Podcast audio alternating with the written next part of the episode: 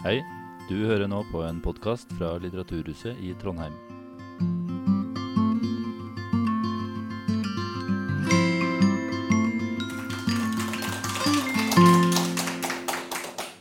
Ja. Ja. Alle hører meg. Eh, velkommen til Men er det bra? Og i dag er tema utenforskap. Så vi skal diskutere tre bøker. Pedro Carmona Alvarez Chiquitita, er her. Og så Kjersti Annesdatter Skomsvold, som vi ikke har i papirform. Syke søster, ja, her i elektronisk versjon. Eh, og så Monica Goksør, 'Slemme jenter'. Eh, tre bøker som ble utgitt i år på henholdsvis Kolon forlag, Oktober og Aschehoug. Og vi skal snakke om de to romanene, én novellesamling, og så skal vi se om det går noen linjer på tvers av disse bøkene. Uh, og om de kan sies å være en del av større bevegelser i samtidsnorsk litteratur. Uh, og sammen med meg har jeg to fantastiske kollegaer som skal fortelle om bøkene. Til min høyre Anne Karine Kleveland, som er førsteamanuensis ved Institutt for språk og litteratur ved NTNU. Hun er spesialist innenfor eh, latinamerikansk litteratur. Hun har bodd i Spania i flere år, studert både i Spania og i Mexico. Og hun har ph.d. fra NTNU og har skrevet om flerspråklig litteratur. Til min venstre har jeg eh, min fantastiske kollega Sofie Anker Møller Damgaard, som er stipendiat ved litteraturvitenskap på NTNU. Og jeg heter Karolina Drozdowska og er førsteamanuensis eh, ved NTNU. Jeg jobber med nordisk litteratur. Vi har altså en norsk spesialist på spanskspråklig litteratur og en dansk og en polsk spesialist på norsk litteratur. Så dette går veldig bra. Passer veldig til temaet utenforskap. Denne boken vi skal begynne med, er 'Syke søster' av Kjersti Annesdotter Skomsvold. Og det er Sofie som begynner eh, med en liten innledning. Vær så god. Takk, Karoline. Ja, jeg vil jo snakke om Kjersti Annesdatter Skamsvold sin eh, roman. Eh, Da vil jeg starte med å si litt om eh, Skamsvold. Hun er født i 79 og fra Oslo. Hun har faktisk et ganske stort og anerkjent forfatterskap eh, bak seg allerede.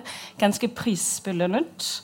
Eh, hun debuterte i 2009 med 'Jo fortere jeg går, jo mindre er jeg', som hun tildeltes eh, Terje Vesaas debutantpris for, og faktisk fikk ganske stor anerkjennelse for denne debuten, og faktisk ble oversatt til 25 språk. språk. Og siden har hun eh, utgivet også, vil jeg eh, liksom trekke frem eh, boka 'Monstermenneske' fra 2012, som handlet om eh, Skamsvolds eh, selvopplevede erfaringer med sykdommen som heter ME, som dekker over en kronisk utmattelsestilstand. Så det er også sånn utenforskap, at man liksom er utenfor de raskes verden, så å si. Og senere, i 2018, eh, utkom eh, boka 'Barnet', som også var kjempe kritikerrost. Så hun er faktisk ved å etablere seg som en stor norsk forfatter, vil jeg nok si. Og i denne bok jeg vil snakke om, 'Syke søster', der møter vi tvillingepart, eh, Alma og Edith. Eh, tvillingesøstrene. Og det særlige er at eh, Edith, den ene tvilling, er død. Hun døde fem år øh, tilbake i tiden, da romanen liksom tar sin begynnelse. Og grunnen til at, at Alma nå må gjenbesøke tvillingesøsteren sin død, er at Alma selv er gravid. Så det er liksom sånn Ok, jeg bærer et liv, derfor må jeg se dette traume i, øynet, i øynene, som er at jeg har mistet søsteren min. Eh, og der sker så det at Alma oppsøker fosterfaren deres, eh, Edith og Alma. Og han bor i et gammelt hus i skogen. Så det er liksom lokus, kan man si, senter for boka. Eh, og de, disse tvillingesøstre de kom første gang til ham her, eh, Askild, som de ellers ikke har en relasjon til, men han blir rett og slett deres tetteste, vakreste relasjonen og binding i livet, Askild i huset i skogen. Og der blir de plassert eh, som 14-årige. Der, tar, øh, der er tvillingene søsteren der, og moren deres overgiver eh, tvillingene til Askild og, øh, og blir borte.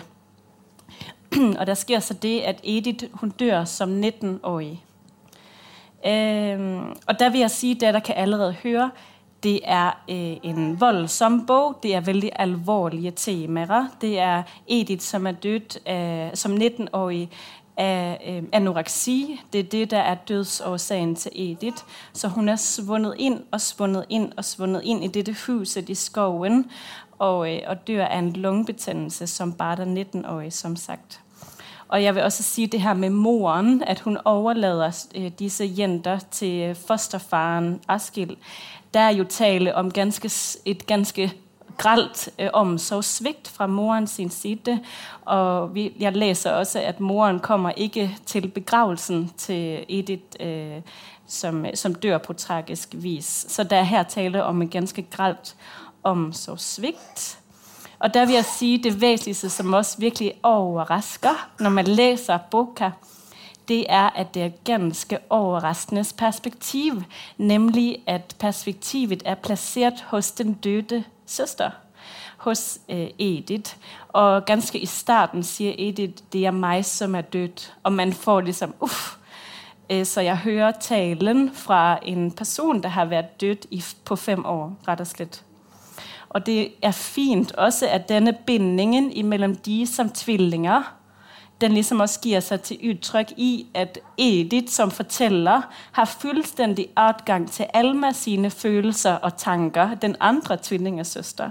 Så man er rett og slett, man får denne fortelling fra den døde søster Edith, men man føler med Alma, som fortsatt lever. Øhm, så med fint litteraturvitenskapelig ord, der er den fokalisert igennem Alma, som fortsat lever og skildrer Alma sine tanker.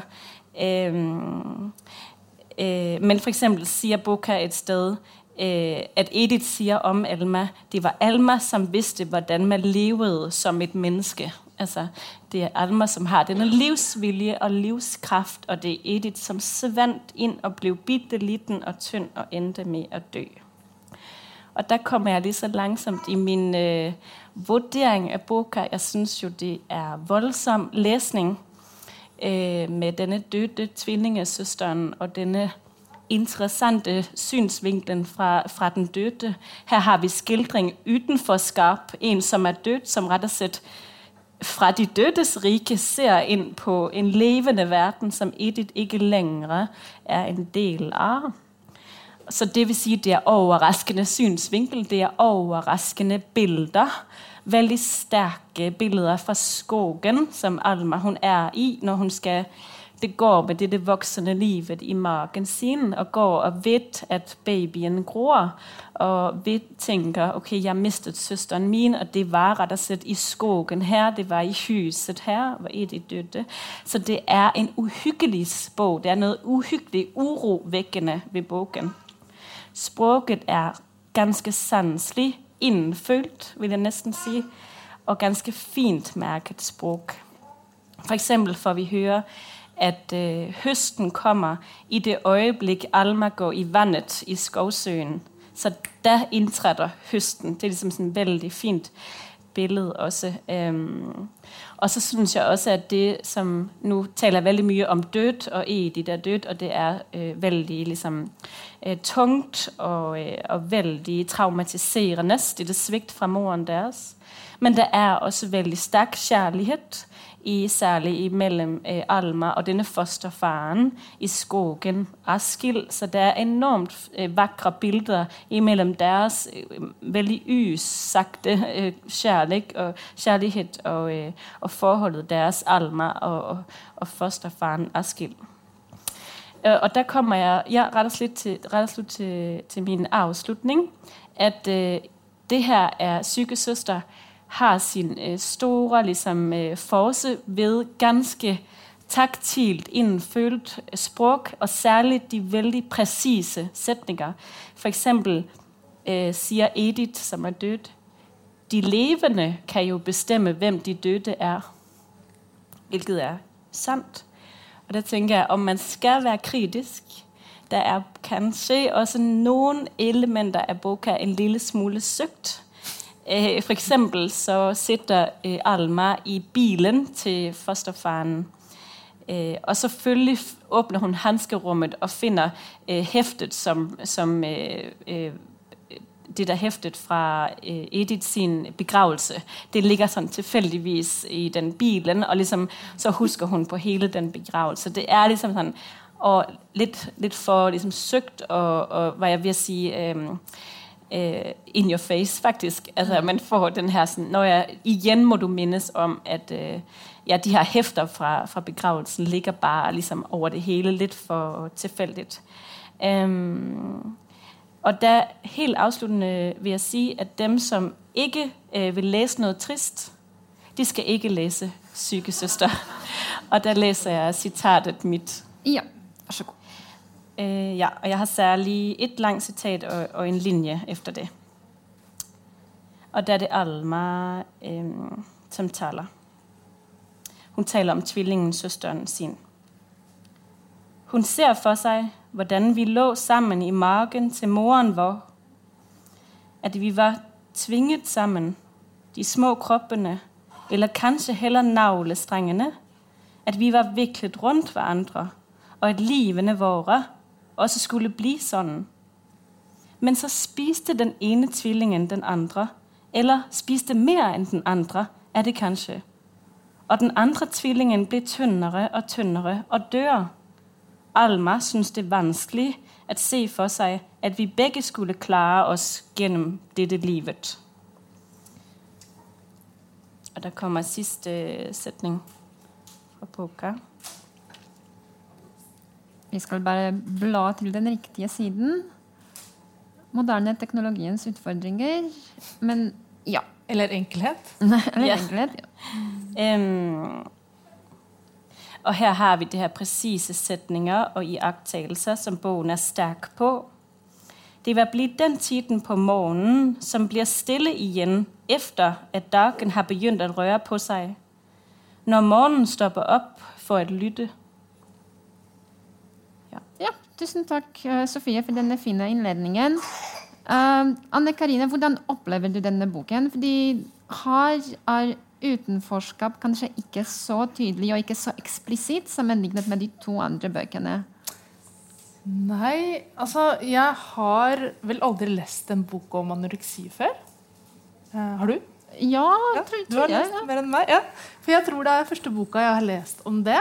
Og Eh, som god eller dårlig litteraturviter så leser jeg aldri om boka før jeg leser den. Eh, hvis jeg kan unngå det. Og denne hadde ikke dukka opp på min radar hvis jeg ikke hadde fått den til dette arrangementet. Så da kunne jeg lese den helt uten ja, helt uhilda. Da. Eh, og det tok jo noen sider før jeg skjønte hva det skulle handle om. Um, men, men, og det er trist, og det er tungt. Uh, men det er fengslende. Og det er Man får lyst til å lese, selv om jeg kan være en litt sånn lat og bekvem leser som ikke leser om sånne vanskelige ting som jeg ikke har hatt nært på selv ennå. Eller vært så mm. heldig. Så, så, så, selv litt late lesere som tenker Nei, det der orker jeg ikke å lese om, eh, som er meg, eh, i dette tilfellet, kan, kan lese boka, syns jeg. Eh, nettopp fordi du, det du sier, Sofie, om den, den nydelige og stilletiende kjærlighetshistorien mellom en fosterfar og den tvillingen som har overlevd. Um, det, og det at en fosterfar er en av de bærende eh, litterære personene, synes jeg også var Det var heller ikke noe jeg hadde lest om før. Kanskje jeg har lest for lite nyere litteratur, men det var, det var nytt for meg. Så det, det var ting som, som jeg syns var veldig fint. Um, og det jeg syns var kanskje det beste med boka for min del. Uh, mm. Nå har vi ikke kommet til om Nei. det er bra ennå, men det bare påpeke det. Men, men, det var at den kan gi en forståelse av mista noen på en dramatisk måte, og gi oss som ikke har hatt den dramatiske opplevelsen en innsikt og en, en kjærlighet for våre medmennesker som har hatt, hatt en sånn opplevelse. Så, så det, det syns jeg var, eh, det var veldig givende. Mm. Ja, uh, for min del så kan jeg si at uh, i tillegg til at jeg jobber ved NTNU, så er jeg skjønnlitterær oversetter. Oversetter masse, eller kanskje ikke masse, men mye norsk litteratur til polsk. Uh, og jeg samarbeider med norske litterære agenturer og leser masse norsk litteratur og prøver å vurdere om det, det er litteratur som potensielt kan selges til utlandet. Og jeg har blitt fullstendig yrkesskadet av dette. Så hver gang jeg leser en ny bok, så spør jeg meg selv er dette noe som forlag i utlandet kunne tenke seg å kjøpe. Og da jeg begynte å lese 'Syke søster', så mitt første inntrykk var at oi, det er denne fortellermåten, det er denne stilen som jeg har sett hundre ganger før hos moderne norske kvinnelige forfattere. Og så tenkte jeg ja, men det er jo Marie Aubard, det er Helga Flatland, det er mange som skriver på denne måten, som ikke nødvendigvis er uh, noe dårlig, fordi det er det utenlandske lesere er ute etter. Men så kom jeg til det at jeg plutselig ble veldig forvirret uh, rundt uh, fortellerperson. Hvem, hvem, er det som, som er forteller? Mm. Og det tok meg sånn 20 sider før jeg skjønte at det er den døde søster mm. som, som, er fortelleren. Og det syntes jeg var litt spennende, og det syntes jeg var litt sånn nytt. Og i tillegg, og det det har vi diskutert med Anne Karine før vi satte oss her, er at denne boken er ganske kort. Uh, og det går fort. Og det er sånne eh, romaner på 170-160 sider som selges best til utlandet akkurat nå, fordi det er nettopp det utenlandske lesere vil ha. Og så tenkte jeg at av disse tre så er kanskje denne som har mest uh, markedsføringspotensial uh, med tanke på, uh, på utenlandske lesere. Og det syntes jeg er spennende. Og så tenkte jeg også at uh, Kjersti Annesdottir Skomsvold uh, Det du nevnte, at uh, hun har en Trenger du å gå og passe Sofie har datteren sin med seg her i kveld, så hvis du, hvis du trenger å Ja. ja Kanskje. Ja. Mm. Så det kan skje at hun bare forsvinner, og det går helt bra. Det er ingen stress. Um, og så tenkte jeg på denne boken 'Monster menneske', som uh, hun ga ut i 2012, som handlet om ME. Um, og det at uh, hun uh, tar opp slike vanskelige temaer. Du spurte meg om jeg har lest en bok om anoreksi før, og jeg husket nå at det har jeg, men ikke på norsk, og ikke en norsk bok. så hun har denne evnen til å snakke om vanskelige sykdommer som folk kanskje ikke snakker så mye om. Uh, og det er her utenforskapet ligger, etter min mening. Ikke bare i det at fortelleren er en person som er død og snakker til oss fra en annen verden, men også det at boken forteller om den erfaringen om å bli syk. Fordi når, når, man blir syk, så blir man på en måte fremmedgjort. Uh, på en veldig spesiell måte. Ja, jeg vet ikke om det er noen av dere som har lyst til å føye noe til? Det har jeg. Ja. For jeg har nemlig en overgang til neste bok. Ja, nettopp. Som er det er en sånn skatt da, som vi som leser elsker å finne. Um, og, og, som var helt uventa for meg. Så nå skal jeg lese et bitte lite stykke fra boka til Sofie. Uh, 'Sykesøster'. Har du sett maleriet av hunden? Ja, den som holder på å drukne. Eller som akkurat klarer å holde seg flytende, sier Askild. Jeg fikk Goya som valp av Samuelsen, det er naboen. Han kom bort med henne ikke lenge etter at etter at du reiste. Og dette er altså Goya, eh, følgesvennen til Askild, eh, fosterfaren, som han fikk av naboen eh, for å holde seg flytende, kanskje, og kalte hunden Goya etter maleriet, som er på innsiden av Chiquitita, og som har en rolle i den boka også. Ja. Så så, det, det, så, da tenkte jeg skulle tillate meg å lese før ja. vi går over i Chiquitita. Yes, den lille biten. Det er ikke så veldig langt. Og da er det hovedpersonen Marisol um, som står og ser på dette maleriet som Askild tenkte på um, i sin sorg.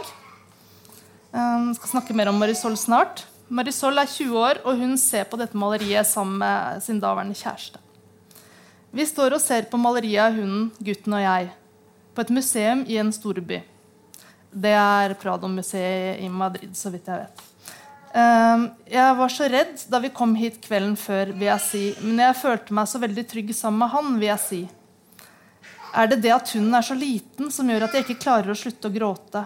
Og tenke på jomfruen, på nonnene, på alle mysteriene. Gledens mysterier, smertens mysterier, lysets mysterier, herlighetens mysterier. Vil du sette deg ned litt, sier han. Jeg ser opp på hunden igjen og kjenner at stemmen klemmer sammen i halsen. Jeg blir redd for stemmen, for hvordan den kommer til å høres ut om jeg sier noe. Den er så stygg når jeg gråter. Da, da, har, da har Alma fått mikrofon. ja, stakkar Alma. Ja. Ja, Da gikk det bra med teknikken. Ja, takk Ja, skal du ha. Um, men uh, ja, skal vi gå over til uh, Chiquitita? Ja, Ja. jeg var så glad når jeg fant den overgangen, så jeg hadde gleda meg litt. Ja, det var, det var en Ja. veldig fin Ja, var det overgang. Ja. Um, Chiquitita Nå må jeg ta opp notatene mine. Jeg er glad i å notater. Se. Um, nei, jeg skal ikke begynne med boka. Um, jeg skal begynne med noe annet. Um, de som er chilenere, vet hva jeg skal begynne med. Eh, For 50 år og 16 dager siden nøyaktig um, så gikk de militære inn i eh, Santiago de Chile, presidentpalasset, og kasta den demokratisk valgte presidenten Salvador Allende.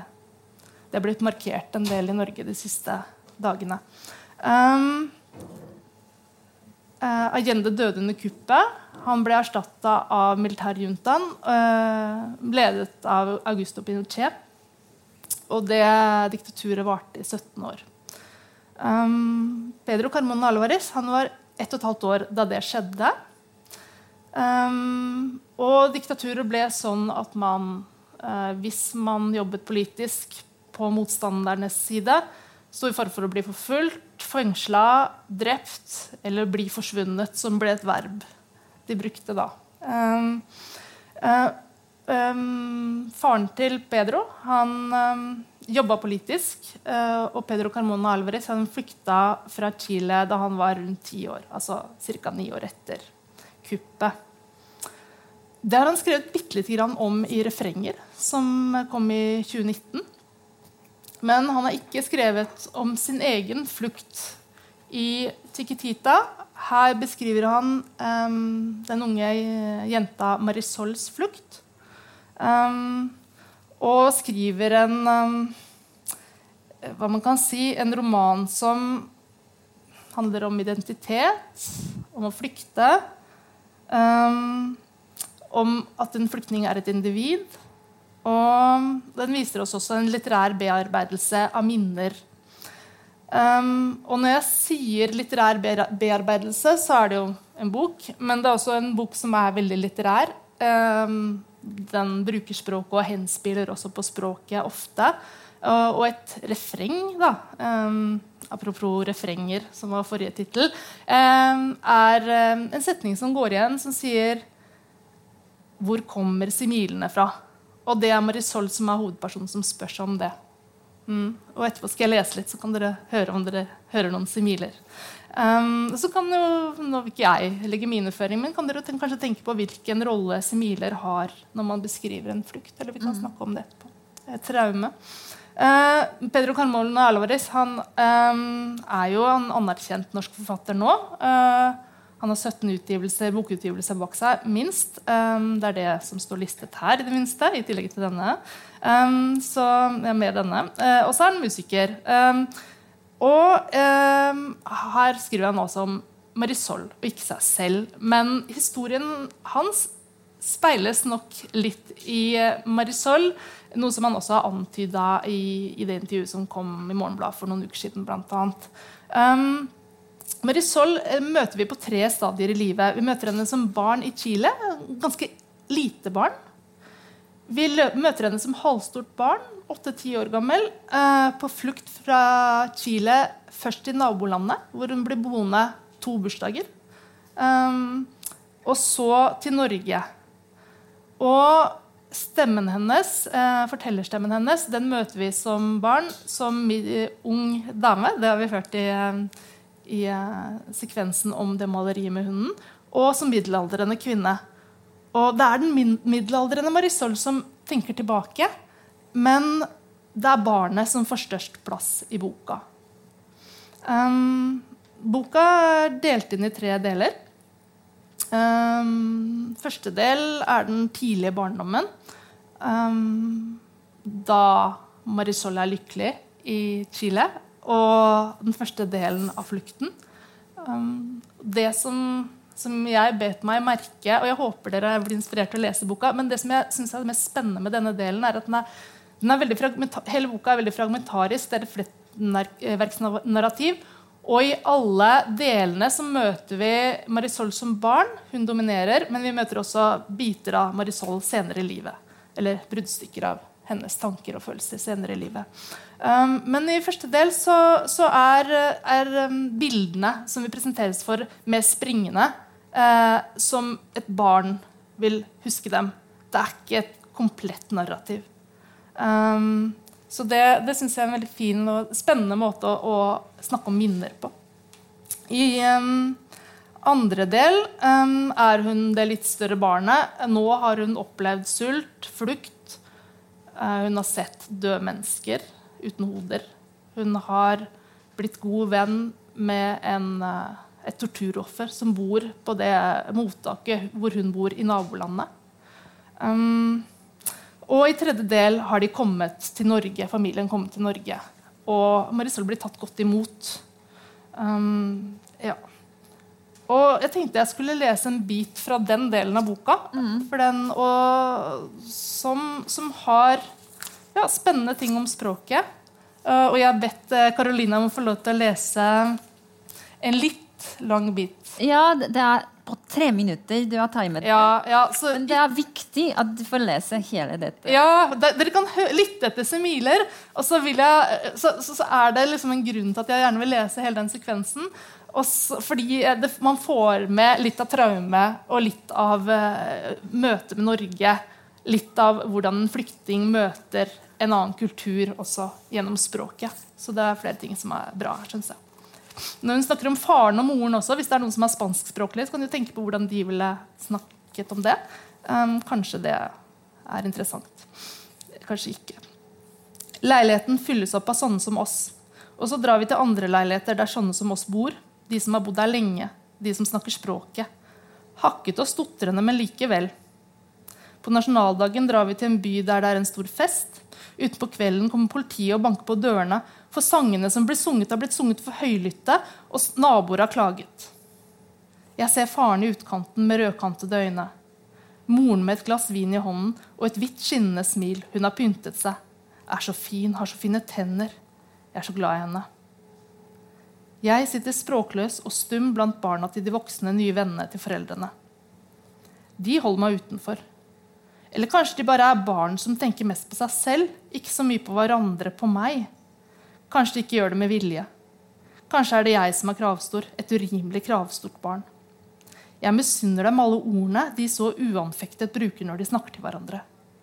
Jeg forstår veldig lite av hva de sier, men jeg har ikke noe valg. Jeg må sitte der blant dem, for jeg er også et barn. Jeg hører til blant dem. Ofte må vi gå og leke for oss selv. De får streng beskjed. Men så er det som disse middagene og kveldene begynner å gli på et vis. Som om alkoholen også påvirker veggene, stolene og dørene åpner seg. Jeg blir sjøsyk av alt som liksom bølger rundt meg når vi barna og de voksne begynner å gå i beina på hverandre. Når musikken tar til igjen og stemmene blander seg og blander seg. Noen danser med hverandre, noen danser alene. På kjøkkenet står det brus og kakerester. Noen kjøttrester og bakverk fra hjemlandet. Alt er innsvøpt i blå, doven røyk. Så hører vi en stemme rope. En av ungene er så flink til å spille gitar at han alltid må opptre for de voksne. Men også for oss, der vi legger oss på teppet i stuen, trøtte og hostete av all røyken som flyter mellom oss. Mellom de voksnes fortellinger og de hjerteskjærende sangene gutten, som gutten fremfører. Jeg har ører store som skjell. Faren i utkanten med et glass i hånden. Moren, så fin der hun gynger frem og tilbake med lukkede øyne. Og så alle fortellingene. Den uutholdelige nostalgien. Sårene. Hvor lenge sitter jeg der og hører etter? Ørene er fulle av røyk. Dette er historier uten slutt, for døden er bare noe som befinner seg på den andre siden av en tynn vegg. En ung mann ser ut som et fugleskremsel, sjuskete, tynn og nervøs. Han forteller om en kamerat som aldri dukket opp som avtalt. Og det var det. En annen mann har vært sjømann. Han ser ut som en bjørn. Stemmen hans er dyp, som den runget fra en gruve, som et hull i bakken. Det er hans unge som spiller sangene, den brydde gutten som lukker øynene når han synger. Så må han ha en pause, gutten, og da blir det snakket om flyktningleir og mottak. De voksne sammenligner med sære og forteller historier som ligner hverandre, slik ballader gjør det. Vi er heldige som har fått flyttet inn i leilighet med det samme, får vi vite. Mange blir først sendt til andre avsidesliggende steder. Jeg hører om omgjorte leirskoler, køyesenger, slåsskamper, den frustrerende språkundervisningen. Noen forteller moren hva man må gjøre for å motta ekstra utbetalinger fra sosialkontoret. Hvilke leger som skriver ut piller og sykemeldinger. Det blir snakket om søvnløshet og skjelvinger. Om mareritt og oppvåkninger. En eldre herre i dress finner meg på kjøkkenet stående på en stol idet jeg henter et rent glass i et skap høyt oppe. Klokken er mye. Munnen min er helt uttørket. Han holder meg i armen når jeg prøver å smyge meg forbi han. Snakker om uførepensjon, om tiden som har stivnet. Som om den var laget av gips. Men det er som om han ser på noe annet enn meg når han snakker. Rodriguez, polakken, dødsskvadronene og portforbudet. Torturen, avkappede hender, en liten verden, disse stuene. En verden full av strøm mot genitalier, av utdratte negler og ødelagte øyenlokk og hamre og knuste fingre og barberblader. Samtalene strekker seg utover natten som lyden fra ødelagte kassettbånd. Dype, treige og snøvlete. En verden av solidaritetsarrangementer, markeringer av kuppdagen, sørgelige enetaler og alkohol. Det samme draget i alle ansiktene. Ja. det var vel, jeg ville avslutte med det. Mm. Ja, um, det jeg tenkte på da jeg leste denne romanen, var at dette er et språk som virker veldig poetisk. Mm. Uh, og da jeg begynte å kjøre litt research på forfatteren, så så jeg at han faktisk debuterte som poet. Mm. Uh, og at han uh, i tillegg til prosa har skrevet masse lyrikk. Uh, og uh, hele det poetiske språket bidrar til at boken har en sånn drømmeaktig um, stemning. Mm. Jeg vet ikke om du vil si deg enig. Og drømmer de har det med seg at de går over til mareritt ganske ofte. Og det er også noe med de fryktelige tingene som beskrives. fordi eh, Hvis man vet litt om Chiles historie, så det mm. som skjedde i denne mm. perioden, det var noe av det skumleste, forferdeligste som skjedde i menneskehetens historie. Det som mm. folk gjorde mot folk. Mm. Men denne drømmeaktige kvaliteten av fortellingen gjør at vi får litt avstand mm. til det. Ja. Jeg vet ikke hvordan du ja. opplevde det. Nei, Jeg tenkte det samme, faktisk. Eh, og Det var derfor jeg trakk fram det, det om similene også, eh, som vi jo har hørt noen av her eh, når jeg leste. Eh, det med å legge sammenligninger over det som var fryktelig. Kanskje det, kanskje det, er en måte man orker å snakke om ting på. Mm. De ørene som var av skjell eller som, store som konkyler. Jeg husker ikke helt hvordan det var. Men altså, kanskje Kanskje man kan bearbeide traume gjennom poesi. Eh, enklere. Det er jo en måte å uttrykke vonde følelser, sterke følelser på gjennom et poetisk språk i en fragmentert fortelling, sånn ja. som det gjøres her. Så jeg tenkte det samme. Jeg tenkte også på drømmer. Mm. Eh, for, for Marie Sol tenker jo tilbake. Hun tenker på da hun var barn. Og, og det er jo noen, noen, scener i begynnelsen av boka man ikke vet helt eh, Skjedde det egentlig det er en barns fortolkning. Eh, et barns fortolkning, som man sier mm. ofte. Så, ja, så her har vi med en sånn poetisk prosa å gjøre. Mm. Og det er noen sekvenser som gjentar seg. F.eks. der du leste at Marisol snakker eller tenker på sin mor. Mm. Og hun sier 'jeg er så glad i henne'. Mm. Og det er nesten hver gang hun nevner mora si, så er det 'jeg er så glad i mm. henne'. Så dette ja. går igjen og igjen, nesten som en slags refreng. Mm. Som også viser at hun sulter etter kjærlighet fra, fra foreldre som hun kanskje ikke får. Eh, av forskjellige grunner, eh, som også er ganske sterk. da. Det, det synes jeg er en god observasjon. Og I tidlig, den tidligste barndommen så, så, så var jo Marisol litt alene. Hun ble ofte plassert hos bestemora.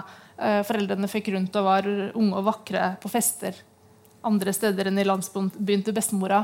Det var en klasseskille der bestemora var fattig. Moren hadde giftet seg litt opp i det sosiale sjiktet. Faren var så vakker og stilig. Um, moren går jo nesten til grunne under flukten. Hun er en sånn passiv skikkelse i boka, egentlig. Eh, faren er den som handler, og Marisol er den som er med og tenker. Kan du si. Ja. Og så mens jeg leste, så tenkte jeg må man vite noe om Chiles historie for å kunne nytte denne boken? Hva, hva syns du? Nei, det syns jeg ikke. Um, grunnen til at jeg på en måte satte leserne eller tilhørerne nå uh, inn i historien, uh, var jo at i Norge så går vi ikke ut fra at alle går og husker at 11.9. ikke bare er 9-11. Uh, for hele Latin-Amerika så er det jo eh, statskuppet i Chile i 1973. Det er på en måte en veldig veldig viktig hendelse i den latinamerikanske historie. Um, eh, og man kan fint lese boka som en migrasjonsfortelling uten å vite for mye, for man får vite, vite det i små drypp. Um, en ting som irriterte meg med boka, var jo tittelen. Eh, men den uh, som, som henspiller på Chiquitita Abba. Det er en uh, epigraf. Chiquitita, tell me what's wrong. Um, tenkte du noe om tittelen? Jeg tenkte ABBA med det samme. Ja, men tenkte du noe om det passa, eller hva syntes du om det? Uh, kanskje tittelen virker litt banal? Ja, Uh, ja. Jeg tenkte det samme, det irriterte meg. Men så får den en, den får en rolle litt seinere i romanen. Vi trenger ikke å fortelle det, for jeg håper noen vil lese boka etterpå. Uh, men så googla jeg Chiquitita. Um, den er jo fra 70-tallet, det visste jeg. Um, og kuppet i Chile var i 73, så tenkte jeg kanskje den var fra 73. da. Men det var den ikke, den var fra 79. Eh, og dermed så gir den en sånn tidsaspekt til boka. Til den delen av historien hvor sangen kommer inn. Så det synes jeg var litt interessant. Da kan vi tidsbestemme det. Eh, da kan vi knytte det til 1979 eh, eller senere, da dette skjer. Eh, Pedro eh, Carmona Alvarez flykta selv fra Chile tidlig 80-tall, så vidt jeg husker. Så, så han flykta ikke med en gang. Og i romanen så, eh, så finner vi jo liksom, vi finner endringer i livet til jenta som er ganske tydelige før flukten. Så det har skjedd noe, og familien gjør en endring. Så, man, så, så det er en beskrivelse, en stille beskrivelse av hvordan et diktatur og en eh, senere flukt kan oppleves for et veldig ungt menneske. Og, og hvordan hun heller ikke forstår ja, ting som foregår på skolen, og foreldrene blir kalt ut på teppet fordi barnet ser for moderne ut. Blant annet, og sånne ting er ikke konservativt nok. Så, så vi får sånne små drypp av diktaturet. Eh, som jeg tror kan være interessant, og små drypp som, som ikke fortelles i de store historiebøkene eller Wikipedia-artiklene som man kanskje kan google seg fram til eller finne fort fram til på norsk. Ja, da jeg leste den, fordi da jeg leste 'Syke søster', så tenkte jeg med det samme at dette er en måte å skrive på som ligner på mye annet som jeg har lest av moderne norsk litteratur. Da jeg leste denne, så tenkte jeg å, dette er noe som man ikke ser så veldig ofte i samtidslitteraturen i Norge. Um, den ga meg litt assosiasjoner til denne boken som heter 'Mine menn' av Victoria Kielland, som kom ut i 2021. Fordi det er litt sånn samme måte å bruke poesi i prosa på. Uh, og ikke minst siden jeg er polsk, uh, så tenkte jeg på uh, en bok av en polsk-jødisk forfatter, Bruno Schultz, som nettopp har kommet i en ny norsk nynorsk oversettelse, oversett av Julia Vienduoha, 'Kanelbutikkene'. og det er samme drømmeaktige, poetiske atmosfæren der, selv om boken ble skrevet på 1940-tallene. Så hvis noen har lyst, så anbefales det Bruno Schultz, 'Kanelbutikkene'. Jeg, jo, jeg jo, har jo bakgrunn som latinamerikanist. Og det sier jeg med en viss skam, for noen ganger jeg føler jeg meg ikke så oppdatert. Men, men dette er, er, satt i 60- og 70-tallets latinamerikansk litteratur, og det har jeg lest en god del av. Og der er jo den fragmentariske fortellingen viktig. Eh, Julio Cortázar, eller Julio Cortázar, som kanskje vil si på norsk, er jo den som er mest kjent for å skrive fragmentariske essays og bruke fragmenter i litteraturen sin. Um, og du kan finne det og, og en sånn og prosadiktet er også en sjanger som, som er ganske omtykt i Latin-Amerika. Um, scrapbooks, sammensetninger av ting som ikke opprinnelig kanskje man tenker hører sammen, men som leseren blir oppfordra til å finne sammenheng, sammenhenger. Så, ja, så det er uh, det er liksom ikke så ukjent. Sånn, vi snakka litt om det på forhånd. Det er en sånn materie av rariteter i bøker som, som for meg føltes kjent. Ja. Så, så, kanskje Man kan godt lese boka som en latinamerikansk bok. Også siden Pedro Carmona Herdavrez jo er chilensk-norsk og bodde første, sin første oppvekst i Chile. Og han har også skrevet litt om, om seg og flukt og litt sånn mer selvbiografiske refrenger, da, blant annet. Som også som en essaysamling med litt dikt som er putta inn. og sånn. Veldig spennende. Og bare nevne samtale med onkel Nico og tante Viola også, som, som er en diktsamling som kom ja, for en del år siden ja, jeg leser ikke så fort. 2015 kom den. Mm. Så, så, det er en type fragmentarisk litteratur som han liker å skrive. i hvert fall. Ja. Så, mm. Yes. Uh, jeg ser på klokka. Jeg tror vi det er på tide vi går over til bok nummer tre, og det er den her. Uh, 'Slemme jenter' av uh, Monica Goksøyr. Hvis dere aldri har hørt om forfatteren før, så er det fordi hun er debutant. Det er hennes første bok. Og uh, om forfatteren på uh, klaffen til smussomslaget så kan vi lese at hun er født i 1990. Jeg, pleier, jeg, jeg, er selv født i 1985, så jeg pleier å si at alle som er født omtrent samme år som meg, er unge. Og alle som er yngre som meg, er veldig unge. Ja, så hun er en veldig ung forfatter. Ja, jeg syns hun er innmari ung. Um, og så står det at hun har vokst opp på uh, en øy runde på Sunnmøre og har røtter i Thailand. Eh, så det er, allerede her vi ser en slags dobbeltidentitet. Uh, Nordvestlandet, også Thailand. Og det som også er litt viktig, mener jeg, er at hun har master i rettsvitenskap og arbeider som jurist. Og så har hun gått på Aschehougs forfatterskole. Og det er hennes første bok. Eh, jeg syns det er kjempeinteressant med forfattere som har andre yrker, og som bruker sitt, sin fagkunnskap uh, i sine bøker. Uh, Aschehoug uh, publiserte i 2019 en roman som heter 'Lene din ensomhet langsomt mot min', av en som heter Klara Weberg, som er matematiker. Og hele denne romanen er veldig preget av fraktalteori, som uh, forfatteren er ekspert på. Uh, og jeg mener at i denne boken så ser vi også forfatterens juridiske kunnskap. Mm. Spesielt i en av novellene. Uh, boken er skrevet på nynorsk og består av sju noveller. Um, og jeg vil bare si et par ord om omslaget, fordi alle uh, tre, hele panelet ble enige om at dette er et flott omslag. Uh, og at fargene er kjempefine. Den uh, rosa fargen vekker stor begeistring.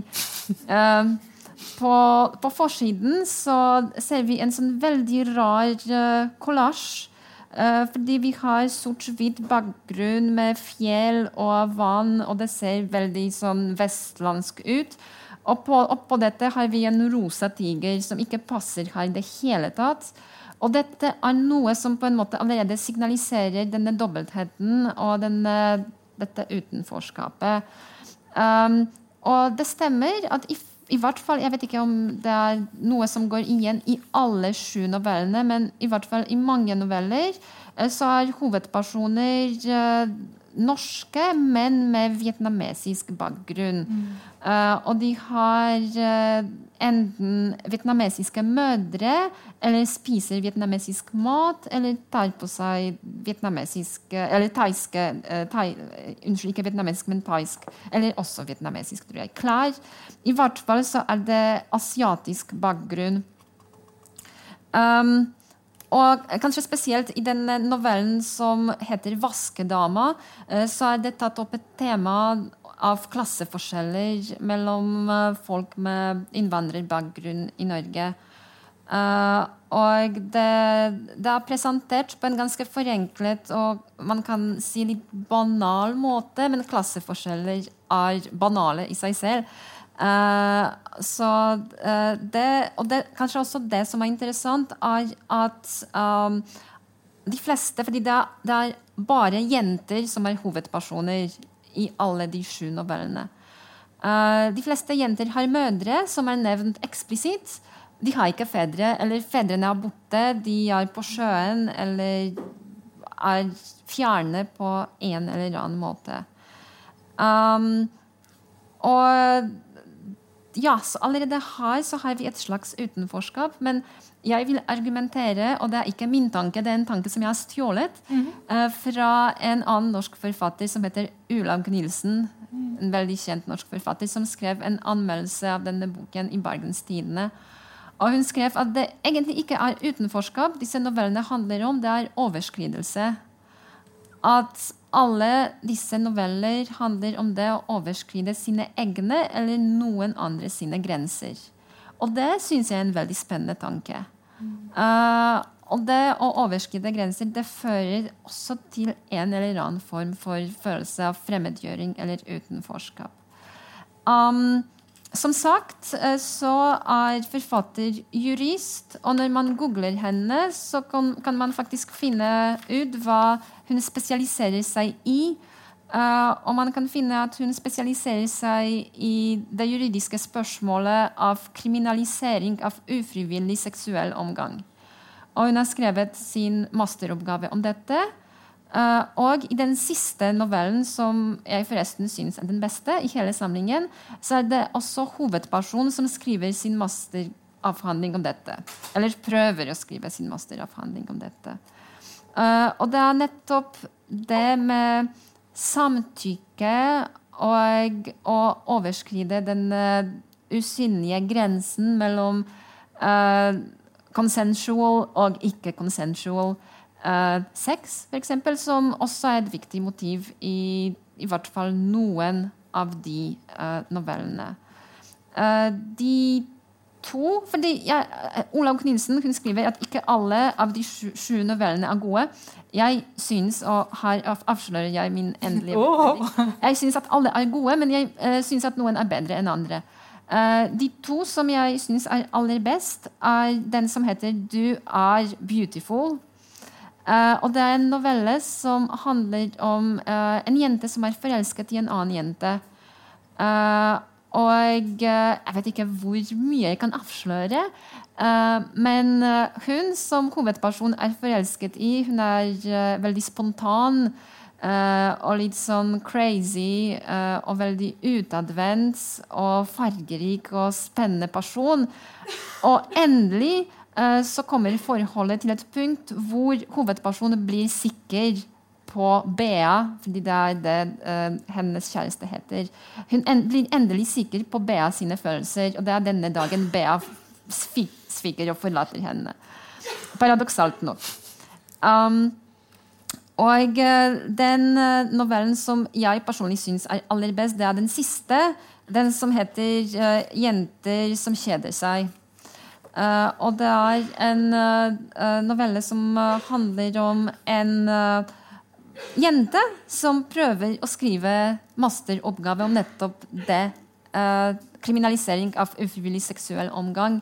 Og hun har en mann og et barn, og hun kjeder seg både med oppgaven og med familien.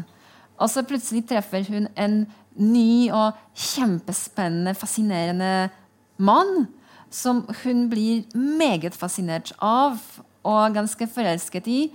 Uh, og han begynner å manipulere henne på uh, en ganske utspekulert måte. Ja. Um, og det som jeg syns er kanskje best i disse novellene, er nettopp den uh, kompliserte kjærligheten eller den kompliserte forelskelsen som fører til at vi er villige til å overskride våre egne grenser. Eller som gjør at andre overskrider våre grenser. Og jeg vil lese to utdrag eh, fra den eh, første novellen jeg nevnte, altså 'Du er beautiful', eh, og så et utdrag fra den siste. Uh, og begge de utdragene viser hvordan hovedpersoner beskriver de menneskene de er forelsket i. Eh, så den eh, toksiske forelskelsen som nettopp fører til grenseoverskridelsen. Eh, så først skal vi eh, høre om hovedpersonen i 'Du er beautiful', som beskriver eh, Bea, som hun er forelsket i. Uh, og uh, som sagt så er jeg polsk, som dere sikkert allerede har lagt merke til. Uh, og jeg skal prøve å lese nynorsk, så dette går bra. Mm. Um, så sier fortelleren Den siste gangen vi var sammen, var en søndag en januar da hun sto i dusjen og sang sjøl om varmtvannet var vekk. Hvor lenge er det siden? Seks år? Uh, vi hadde lege i senga til langt ut på ettermiddagen før vi gikk på badet. Jeg satt på baderomsflisene med håndkledet rundt meg og så på henne måten hun sto med dusjhodet i handa og venta på at vannet skulle vært varmt. Ryggen var krum, og skuldrene trekte opp mot øra, låra på knærne pressa mot hverandre. Hun skalv. Det var en annen kropp enn den jeg hadde sett tidligere den morgenen da jeg våkna og hun sto i en yogastilling på soveromsgulvet mitt, varm og fleksibel med hodet senka og hoftene heva. Håndflatene pressa mot gulvet med fingrene spikkende utover parketten og andelen rød og svulmende av blod. T-skjorta hadde glidd opp, tatoveringa hennes kom til syne neds på ryggen i løkkeskrift Beatiful. Og uh, Det andre avsnittet kommer fra 'Jenter som kjeder seg', dvs. Si den siste og etter min mening beste novellen i hele samlingen, som også er trykt på klaffen til smusomslaget. Første gangen Sigrid så Emil, hadde han på seg kjole. Det var en kollega av Jonas som hadde invitert. Sigrid var forberedt på de vanlige folka, ikke en som han. Han sto under gylne serpentinstrimler som hang fra taket, en lang skikkelse drapert i skimrende blå sateng. Kroppen var hengslete, men likevel elegant, lik et hjortedyr, håret hang løst over skuldrene. Trass i kjolen, eller kanskje på grunn av han, kom Sigrid til å forbinde dette førsteinntrykket med maskulinitet. Manndommen trengte seg fram overalt. Skuldrene skar mot de tynne kjolestroppene, og brystkassa sette stoffet i spenn der ei mykt briste skulle være. Mellom beina kunne hun skimte den vesle bulken i krusningene i stoffet når han bytte stilling.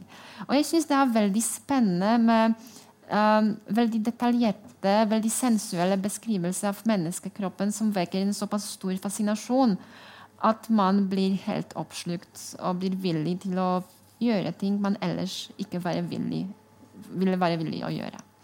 Ja. Og det vil jo hun. Ja, Så, så gjerne. ja, så veldig gjerne. Vi vil ikke ikke si for mye her, men, men, ja, men hun vil jo det. Um, Um, ja, hva er dine inntrykk? ja, hva skal jeg si? Um, det her var jo en skatt som, som heller aldri hadde falt min vei hvis ikke vi skulle snakke her i dag, tror jeg. Um, selv om jeg er glad i noveller. Um, det rosa omslaget, det er jo eh, Når jeg ser rosa, sånn eh, fuksia-rosa, så tenker jeg jo på noe optimistisk og litt fresht og glad. Men jeg vet ikke hva du tenker, Coralina men jeg syns ikke dette er noe særlig glad. Nei, det er, jeg syns den eh, flotte rosafargen kontrasterer ganske skarpt med innholdet i, Ja, i hvert fall for jeg de ville aller si. Blått mot svart. Mm. liksom, eh, hvis man skal bli litt synestetiker og tenke farger og bok sammen. Så, men det er klart, kanskje det rosa, rosa tigeren eh, er Thailand som kommer inn. Og den veldig grå vestlandsbygda og fargeleiet der, eh, som du nevnte, som, som illustrerer bygda som alle jentene kommer fra. eh, eller damene. Eh, jeg syns også det var spennende at det var eh, Jeg tror alle er fra eh, Kanskje alle er fra Vestlandet. Alle har i hvert fall flytta fra bygda til byen. Mm. Uh, og alle bærer jo med seg lite eller stort traume. Da. Enten de har på en måte ikke hjulpet den personen de burde hjelpe, um, eller det er litt større ting som har gjort at de, de føler på den ja, utenfor, utenforskapet, hvis man ønsker det, eller gjør at de handler annerledes enn det andre kanskje gjorde, Mm. eller ville gjort. Um, jeg har tenkt på at tittelen egentlig er litt misvisende. Eh, Ja. Uh, har du tenkt på det?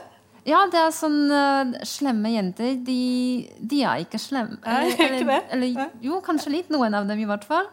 Uh, Hun men det er- er kanskje det. Ja, men ja, også hva betyr det å være slem Ja, jente? og så er tenker jeg det er sånn et, eh, et litt patriarkalsk blikk på, på kvinner. Du Ja. er slem hvis du bryter regler. Ja, så det, det overskridende som du snakket om Jeg tenker at det eh, Kanskje tittelen er en provokasjon, rett og slett. For å si nei, når du slem pike.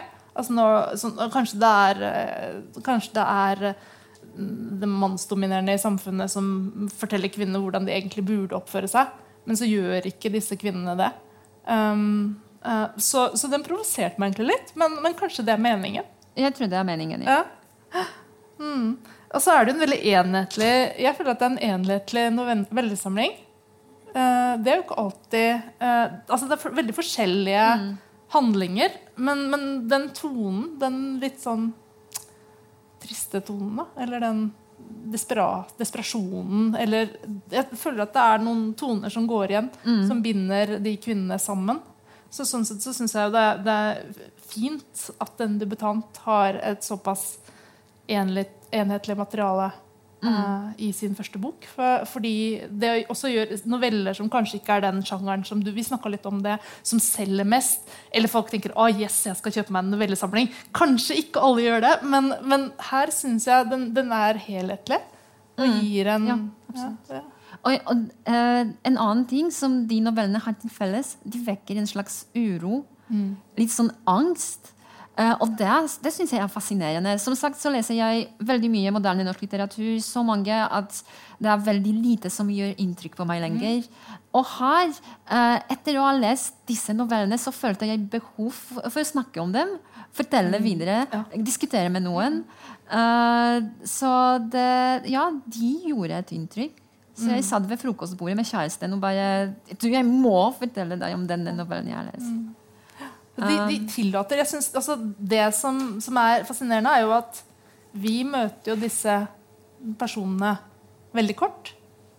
Uh, men de fremstår som veldig eh, rike og helhetlige. De er ikke bare en, et tablå, de er ikke bare en sjablong. De er en ordentlig person, føler jeg, som, som vi blir kjent med uh, på kort tid. Og så bekymrer vi oss for dem. Ja, Eller i hvert fall jeg. Du gjør ja, det? Ja. ja, nettopp. Sånn, disse novellene virker uferdige, men uferdige på en veldig fin måte. På denne måten at man har lyst på mer. Har lyst å vite hva, hva skjedde seinere.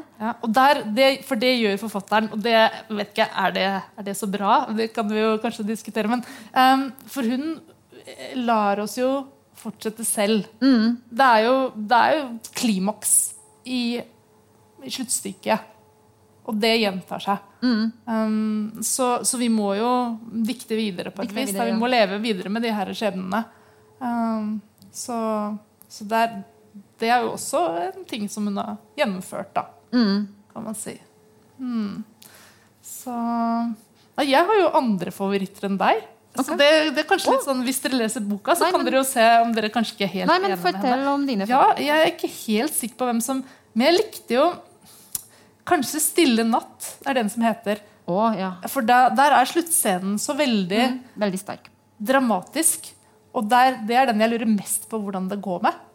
Så, så, så det, det er min, kanskje min favoritt.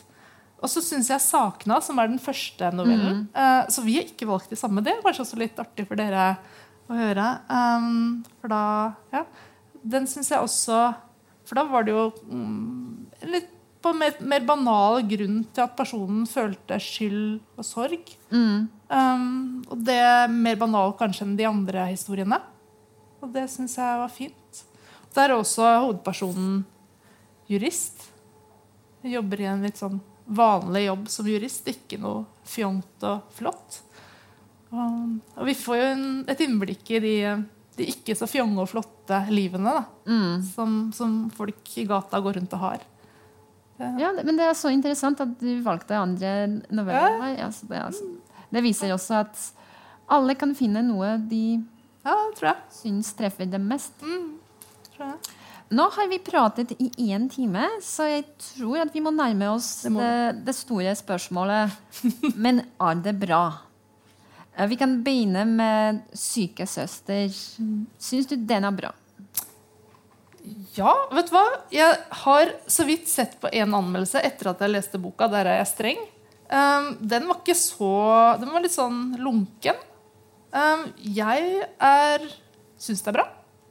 Jeg syns at det er interessant. Fortellerstemmen er veldig interessant. Og, og det at den overrasker oss litt, og at vi kommer til den. Og så syns jeg den var bra fordi den forteller fint og nært og uten å traumatisere meg, om, om anoreksi.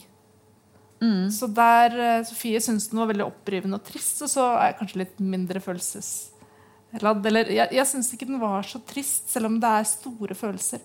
Så jeg syns også den boka klarte å gi oss et, sånn, et dypt innblikk eh, i den følelsen og i den familien.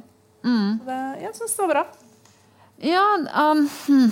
Du er ikke helt enig? Uh, nei, eh, som sagt, så jeg opplever at dette er en bok som uh, Når det gjelder formen og måten fortellingen føres på, så er det en bok som jeg har lest 30 ganger før. Men samtidig så syns jeg det er en bok som tar opp et veldig viktig tema. Og dette grepet med å bruke en død person som forteller, det er litt kult. Eh, men samtidig så eh, ser vi altså Når vi ser på alle de tre bøkene vi snakker om i dag, så er det kanskje den som jeg syns er minst bra. Eh, samtidig som jeg fortsatt syns den er bra. Ja, men jeg er enig. Men den er også lettlest, og den er ikke lang. Og, og, og som du sa, det er noe forlagsbransjen liker. Og, og den moderne leseren som har det travelt, liker også det. Så mm, det er også et pluss. Da er vi enige om at den er bra. Ja, den er bra. Ok, ja. Uh, da? Og den er kjempebra. Jeg har ingen tvil. Den, altså, når vi da går til anmeldelsene, uh, så har jo anmelderne likt boka veldig godt. Pedro Carmona Alvarez Jeg sier sånn spansk yes, dere får ha meg, eller sett dere får ha meg unnskyldt, men uh, klarer ikke å la være. Han er jo en omtykt forfatter. Han er kul. Han er bare så vidt bikka 50, så han kan for noen fremdeles være ung. Ikke for Carolina, men, men? For, for andre kan han være litt ung, og han er musiker, så da er han kul. Og så skriver han veldig sånn, Han skriver litt sånn Han skriver med driv, han er original. Han stopper ikke å puste. Um, så, så de har vært glad i han. Og jeg òg. Fordi den er så Ja, fordi de tingene jeg sa i stad, den klarer, klarer å gi deg et innblikk i migranthistorier fra et barns perspektiv, mener jeg. Um, og jeg syns også den er universell, selv om det er tydelig at de flykter fra et land, og jeg med min kunnskap kan skjønne at det er fra Chile, så, så trenger den ikke å leses som du spurte om, med kunnskap om Chile. Og den kunne være skrevet fra andre land hvor folk flykter. Så, så det er ting som jeg setter pris på. Og språket. Språket. Jeg syns den er veldig bra. Eh, fordi den er veldig original, spesielt når man ser på denne boken i denne sammenhengen. Uh, jeg pleier å se på, på bøker. Uh, det er noe annet enn mesteparten av det som utgis på det norske bokmarkedet nå. Uh, og selve denne originaliteten syns jeg er uh, grunn nok til å si at den er bra. Eh, men i tillegg til at den er original, så er den veldig godt skrevet. Uh, og jeg har veldig sans for denne poetiske prosaen som, som um, han valgte som formen. Uh, og ikke minst som er temaviktig. Eh, så det er et ganske unikt perspektiv. Eh, for en person som selv har denne, dette, denne bakgrunnen og disse erfaringene. Eh, så jeg mener at både i form og innhold så er denne boken viktig, godt skrevet, godt gjennomført og original og bra. Så dette er uten tvil bra. Ja, Veldig bra. det har vi bestemt. Bare les den. Um, slemme jenter, da. Ja. Bra. nei, nei, men hva var det med den? Altså um, Det var jo en bok som, som overraska meg. Uh, kanskje deg også. Um, jeg syns nok at forfatteren synder litt i sluttstykkene på novellene, siden den bruker litt samme tek teknikk flere ganger. Uh, for ikke å si for mye heller, da. Uh, så det, det, det likte jeg ikke så godt personlig. Men som du sier, det, det gir oss innblikk i liv mange av oss aldri kan leve. Eh, det forteller, som her, om, eh, om folk med migrantbakgrunn. Eh, enten selv eller foreldrene. Uh, og det mener jeg i hvert fall, Jeg tror de to siste novellene det ikke, i, i samlingen er det ikke så viktig. Der kommer det ikke fram, så vidt jeg kunne huske. Men i de andre fem, er det sju til sammen? Det er sju til sammen, ja. ja, eh, så kommer det fram. Og, og, og for meg Jeg blir gående igjen med å tenke på disse damene, sånn som vi snakka om, og tenke Sånn har noen det. Dette er realistisk. Nå har jeg fått innblikk i liv som jeg aldri kan leve.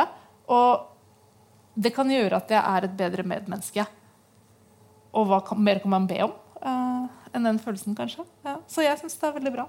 Ja, eh, jeg, ja, jeg syns også den er veldig bra. Eh, det er kanskje den jeg personlig likte best av alle de tre. Eh, jeg er litt uenig med deg, fordi du, du syns det ikke er så bra med disse avslutningene som Noen ganger, oss til å, men, men ikke alltid. Ja. videre. Jeg syns det er kjempespennende. Ja. Fordi det gjorde at jeg faktisk satt og tenkte på det. Eh, og diktet videre. Eh, og det er eh, Jeg syns det er veldig fint når litteratur klarer å fange meg på denne måten og til denne grad. For meg så var det også en overraskelse. Jeg tenkte åh, noveller.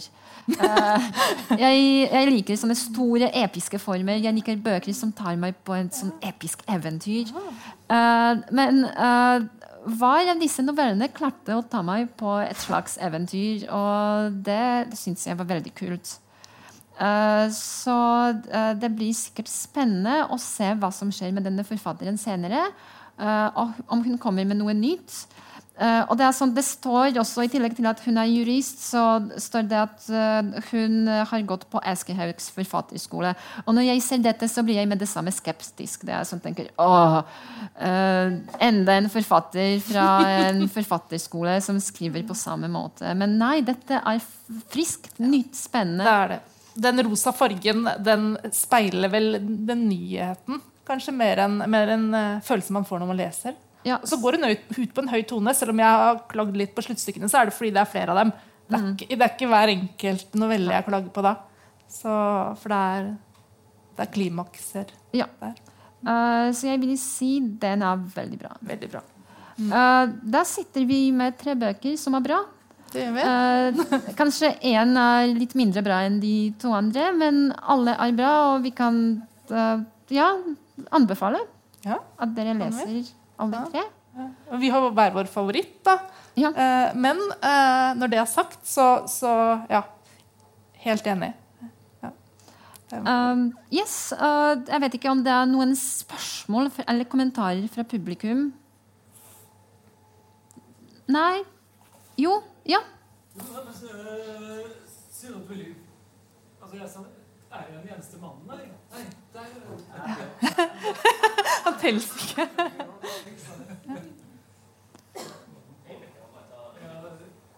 Jeg kan jo også bare prøve å snakke litt høyt. Så, jeg, jeg, jeg, har, jeg jo- har jo en sånn stor mandig stemme. Eh, Nei, jeg, jeg likte veldig godt um, at bare titel, med, gjennom titlene på bøkene. Eh, syke søster, slemme jenter og chiquitita. Altså, det er jo det er noe sånn altså, Syke søster er jo både sykesøster, en profesjon, og en, eh, en søster som har det vanskelig. Og eh, slemme jenter altså med en tiger på coveret. Altså, altså, der fornemmer en sånn Pippi-power. Og at det å være slem kanskje kan være det å være barsk og sterk og Dæven, patriarkatet nå igjen! Altså litt sånn mm. eh, Og Chiquitita, det her Abbas- Abba-søte. Um, eh, så um, det jeg egentlig hadde lyst til å spørre dere om, er om dere gjennom lesingen her har eh, sett noen, altså noen samfunnsperspektiver, altså nærmest i en nærmest politisk forstand. Altså, for det, altså individuelle skjebner og eh, måter å håndtere livet på i det private. Men altså, de speiler jo veldig forskjellige uh, Ser du at de speiler samfunnet på, på noen måte? Uh, har du lyst til å svare på dette, eller skal jeg begynne? Fordi, Du kan godt begynne. Ja. Kanskje svare svare ja. Men jeg, jeg syns man ser det Av alle de tre bøkene så ser man det mest her i, i 'Slemme jenter'. Fordi det er sånn en hel novelle som er viet til dette spørsmålet um, med klasseforskjeller og kvinner som har innvandrerbakgrunn, og som f.eks. jobber som vaskedamer, og hvordan de blir behandlet av sine arbeidsgivere. Uh, og uh, som sagt så har flere av hovedpersonene i disse novellene mødre som uh, jobber på billige restauranter og lager etnisk mat. Og hvordan de eh, blir reagert på, hvordan de reagerer på eh, ja, forskjellige ting i samfunnet. Eh, blant annet denne novellen eh, 'Du er beautiful'. Så det handler om to skeive kvinner, og jeg har veldig sans for skjønnlitterære tekster som introduserer et skeivt perspektiv. Uh, og her er det en liten kommentar om denne moren til hovedpersonen, uh, som syns det er helt greit at hennes datter kommer til den restauranten hun jobber på, sammen med sin kvinnelige kjæreste, men de skal ikke kysse. Uh, og, de, og de skal ikke vise sine følelser for hverandre eksplisitt. Eh, fordi det er, ikke sånn, det er ikke noe man gjør på det stedet der. Uh, så, det, ja, så det er sånn flere uh, samfunnsspørsmål som berøres her, i hvert fall denne boken. Vil du føye noe til, Anne Karin? Jeg kan jo, kan jo prøve. Um, det er jo Det er jo i hvert fall altså Fellesnevneren for de tre bøkene syns jeg er å holde seg flytende til tross for traumatiske opplevelser eller et dårlig utgangspunkt. Så, så, så det er Ja, ikke sant? Som, det er mennesker som nesten går til grunne, men ikke helt. Og det, det liker jeg. Det har vi Syke søstre. Hun, søsteren og han fosterfaren, de som overlever. De går nesten til grunne, men ikke helt. De har noen relasjoner. Han, han, fosterfaren har naboen, han har også fosterdatteren sin, men hun forsvinner. Så de, eh, også, og han får hunden, og hun får en kjæreste som, og noen studier som hjelper henne gjennom traume. Eh, men de klarer seg stort sett selv. Um, og så er det de jentene her som, som vi ikke helt vet uh, hvordan det går med. Eh, men kanskje de holder seg flytende. Noen er, er liksom litt sånn De har fått seg en jobb. Hun som, hva heter det, den, hun som sitter i det for, uh, Saksbehandler. ja. Saksbehandleren, ja. Fantastisk mm. novelle også. Så hun som, som på en måte hun skal behandle saker sånn som systemer. virker Så det er systemkritikk der også. Det er flere. Og, og så Chiquitita, da, hun Marisol som klarer seg til tross for at moren egentlig hun er den statisten som egentlig ikke har klart seg så bra, selv om hun fremstilles som vakker med pene tenner. Um, uh, og hun har klart seg på et vis. Um, hun har jo ikke tenkt så mye på traumet sitt. Hun tar det opp når hun er eh, middelaldrende. Da, da begynner hun å tenke på det. Hun prøver å ta det opp når hun er i 20-årene. Hun får det ikke helt til. Så, så overlevelsesstrategier er jo også en ting som alle klarer på et vis, selv om ikke det står i bøkene. Um, men ja, jeg tror eh, altså, Og den her har jo også, kan jo også gå inn i samfunnsdebatten om hvordan det er å være flyktning. Hvordan det er å være språkløs flyktning om man kommer. Og det jeg har tatt med deg, siden du spurte, så har jeg, tatt med en roman som kom eh, for, i 2016, som heter 'Åg' av Veronica Salinas. Hun har skrevet også barnelitteratur, eh, og hun er eh, teaterdramaturg. Hun driver med teater. Og den heter Åg. Og det handler mye om å være flyktning. Hun flykta som voksen eh, på 90- eller to, tidlig 2000-tall. Husker ikke helt. Jeg tror det er midten av 90-tallet. Ja, kanskje tidlig 2000. Um, og hun er språkløs og møter andre språkløse på norskkurs. Så det handler den om. Og jeg synes den kan kanskje funke i norskopplæringa, faktisk. Jeg tror jeg, jeg ville brukt den. Um, så den handler også om det å være, komme utenfra og være flyktning og ikke ha språk, og dermed ikke kunne uttrykke seg ordentlig. Så ja, jeg reklamerer litt for den, og jeg syns den også var spennende og god. Så, Ja, det var et ganske langt svar, men det, det var et flott spørsmål. jeg vet ikke om vi svarte, men vi prøvde. Um, ja, men uh, nå er tiden ute.